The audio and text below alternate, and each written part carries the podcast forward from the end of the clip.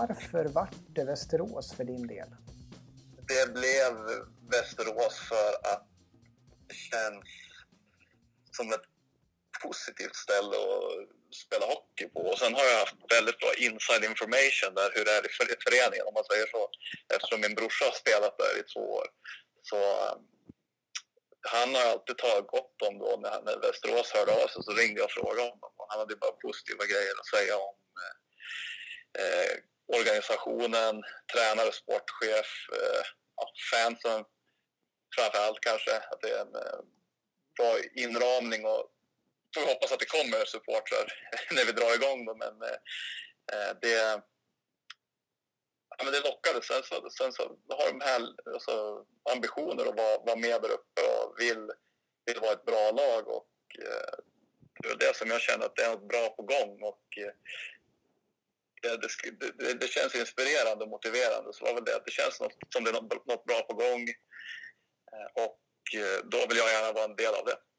Jag kan tänka mig att eh, Zäta hade svårt att ljuga om så mycket med tanke på hur mycket inside du fick av brorsan där. Hur... Ja, men det var ju lite så också. Man vill ju veta var man kommer egentligen. Då var det ju perfekt att få reda på, på, på vad han tyckte. För att jag och han är ganska lika och jag tror om han trivdes bra där så då kommer han också göra det. Sen, eh, sen så känns det som att jag har följt Västerås eftersom han har spelat där. Och det, har, det något sen om starten där så känns det som att det är något bra på gång och eh, det är ett sånt ställe jag vill vara på så, så jag tror att det kan vara en, en väldigt bra lösning för både Vik och mig. Om vi stannar kvar där vid just brorsan då, hur pass, hur pass lika är ni i, som hockeyspelare då? Är inte jättelika. Han är lighter och sniper. Eh, jag är, vad ska jag beskriva mig själv som en tvåvägsforward. Kan spela både center och eh, ytter. Eh, har väl haft lite sämre produktion de senaste åren, men jag tror att det finns mer att hämta där. Så att jag ser väl mig själv som en tvåvägsspelare som kan vara nyttig i både powerplay och boxplay. Sen har jag också samlat på mig lite erfarenhet så att det, det, det är nog aldrig fel att ha varit med lite grann och varit i kval och varit i eh, SM-slutspel och sånt där. Så det tror jag, det, det, tror jag också kan vara... Eller det, det tar jag med mig och det, det är en trygghet också att man, man vet vad som händer när det bränner till. Att just ta steget upp i SHL som sagt, det är ju någonting du var med om där 14-15 i Malmö. Om du ska ta fram de absoluta höjdpunkterna från den säsongen, vad blir det då? Det är att det inte är en lätt väg. Eh, det är det absolut inte. Att ta sig upp. Vi hade en konstig säsong. Vi var ju, ja, vi hade satt oss själva i en jävla sits flera gånger, men vi lyckades lösa det. Och det, det är små, små marginaler eh, som, som avgör om man går upp eller inte. Eh, men att det, det finns ingen spikrak väg. Du behöver inte vinna, du behöver inte vinna serien. Det, alltså det, det, finns inget som garanterar att man kommer gå upp. Det gäller att få ihop det i slutet. Sen gäller det såklart att eh, ha ett bra lag. Det tycker jag vi också har i Vik. Och sen så det, det, det, är min känsla. Jag, jag vill i alla fall vara där uppe och tampas också. Det tror jag, det tror jag klubben också vill vara. Ja, för det var ju också, det var ju också ett bekant ansikte för Vikfansen som såg till att Malmö ens kom till det där slutspelet. Tony. Romano var väl ganska delaktig i den vinsten där. Ja, men det är så att man... Det, det är så små, små marginaler. Han hade ett ganska tufft år där, men fick inte spela jättemycket. Och så har vi en straffläggning mot BIK och Skoga vi måste vinna. Och han var ju en av de bästa straffskyttarna i, i allsvenskan och då, då får han komma in och lägga den straffen. Och, eh, och spelar väl kanske inte jättemycket men det, det är en sån liten detalj som kan vara viktig att du har, ja, alla spelare behöver bidra han, han klev in där och sköt oss till ett kval, då, eller hjälpte till att skjuta oss till ett kval så att eh, även om han kanske inte spelade mest så var han viktig så att jag tror att ska man nå framgång så gäller det att få med hela, hela truppen i det. Och sen när ni tar klivet upp då i ESL, du har ju ett C på det redan under säsongen 14-15 och håller kvar det även i, i SHL. Där. Hur var det då att få vara kapten för Malmö både i Hockeyallsvenskan och i SHL? Det var, det var roligt otrolig ära och jag är väldigt glad över mina år där i Malmö. Det har varit eh, eh ska man säga, en härlig tid. Så det, var, det var såklart en stor ära att få vara med och få det ansvaret. Så, vilket jag även tyckte om. Så det var, eh, det var en, eh, en rolig upplevelse, absolut. Men sen fick du lite hemlängtan då till de mer norrländska breddgraderna och körde upp till Skellefteå två säsonger. Hur var tiden där då? Den var bra lärorik, verkligen. Det, där fick man se vad som, vad som krävs för att vara ett topplag. De är väldigt, väldigt noggranna och eh, det är väl något som jag vill ta med mig också och har tagit med mig.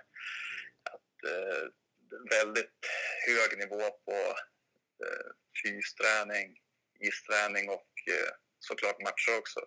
Och sen även för att vara med och spela en SM-final där, nu hade vi inte så, inte så mycket chans mot Växjö men det var ändå en eh, otroligt eh, lärorik tid där uppe och eh, att få gå långt i ett slutspel, det var ju väldigt roligt. Men då måste man väl se dig som en ledargestalt också med tanke på att du är två säsonger som kapten i Malmö. Sen när du kommer tillbaka till Malmö igen så har du ett A på bröstet. Då. Du, du är en ledare både på sidan av isen då, och på isen. Jag, jag försöker alltid ta ansvar eh, och det är väl hur jag eh, eh tar hand om allt från min kropp eller eh, försöka vara professionell. Och sen, eh, jag gillar att vara delaktig i, ett, eh, i en grupp, ett gruppbygge och gruppdynamik och eh, det är väl något som jag tycker är intressant och, och skoj och det är klart att jag vill, vill vara en, en, en av de som driver det.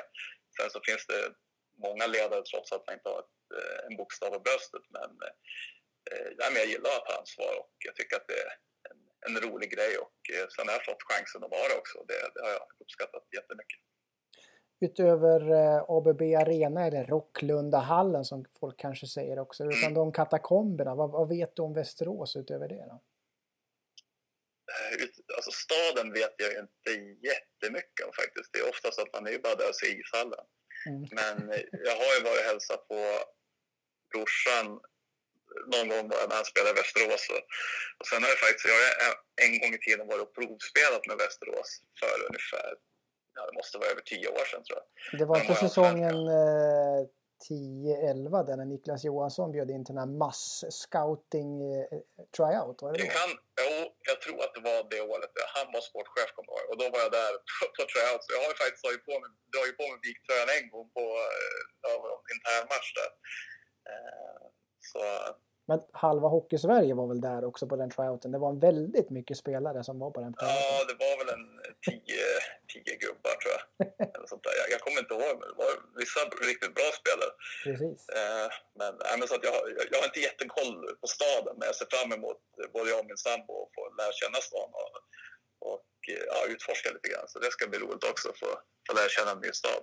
Men då blir alla nyfikna. Vad var det du föll på den gången som inte vi knappade på då? Eh, det fick jag inget svar på faktiskt, så jag vet inte. Jag fick, de, de, de hörde aldrig av sig, utan jag, jag har inget svar på den frågan. Jag antar att jag var för dålig helt enkelt. Så att, eh, det var nog inte mycket mer med det. Eh, utan det var väl, om man, inget, om man inte får något svar då brukar det vara så att äh, det räckte inte riktigt till. Men, men nu är jag här i alla fall. Så det, det tog ju det tog ju tio år men äntligen så fick jag ett kontrakt. Så att de här, de här lite tråkigare utflykterna till Malmö, Skellefteå då, det, det, får man se som ett sidospår när du äntligen har kommit hem nu då. Ja, precis. Jag var ju på väg dit en gång i tiden så nej, men det ska faktiskt bli riktigt skoj och eh, att eh, ja, få ta på sig viktröjan. Och sen hoppas jag såklart också att det kan vara publik, men det är väldigt oklart och det, det, det är inget beslut som eh, någon klubb kan ta utan det får man avvakta och se. Men det hade varit väldigt roligt att spela inför publiken för jag vet ju själv att eh, komma dit som borta bortalag. Det är ju eh, det är en häftig atmosfär när det är mycket folk, det är det verkligen. Och när kan Vikfansen räkna med att du är på plats i Västerås då? Eh, det, det är troligtvis i början nästa vecka. Det är lite praktiska saker som kan lösas här eftersom det gick ganska snabbt eh, med, med hela den här processen. Så, eh, jag, jag pratade med Zäta idag och vi siktar väl på att jag ska komma i början nästa vecka, slutet av den här. Och vad kommer det stå på ryggen då utöver hetta?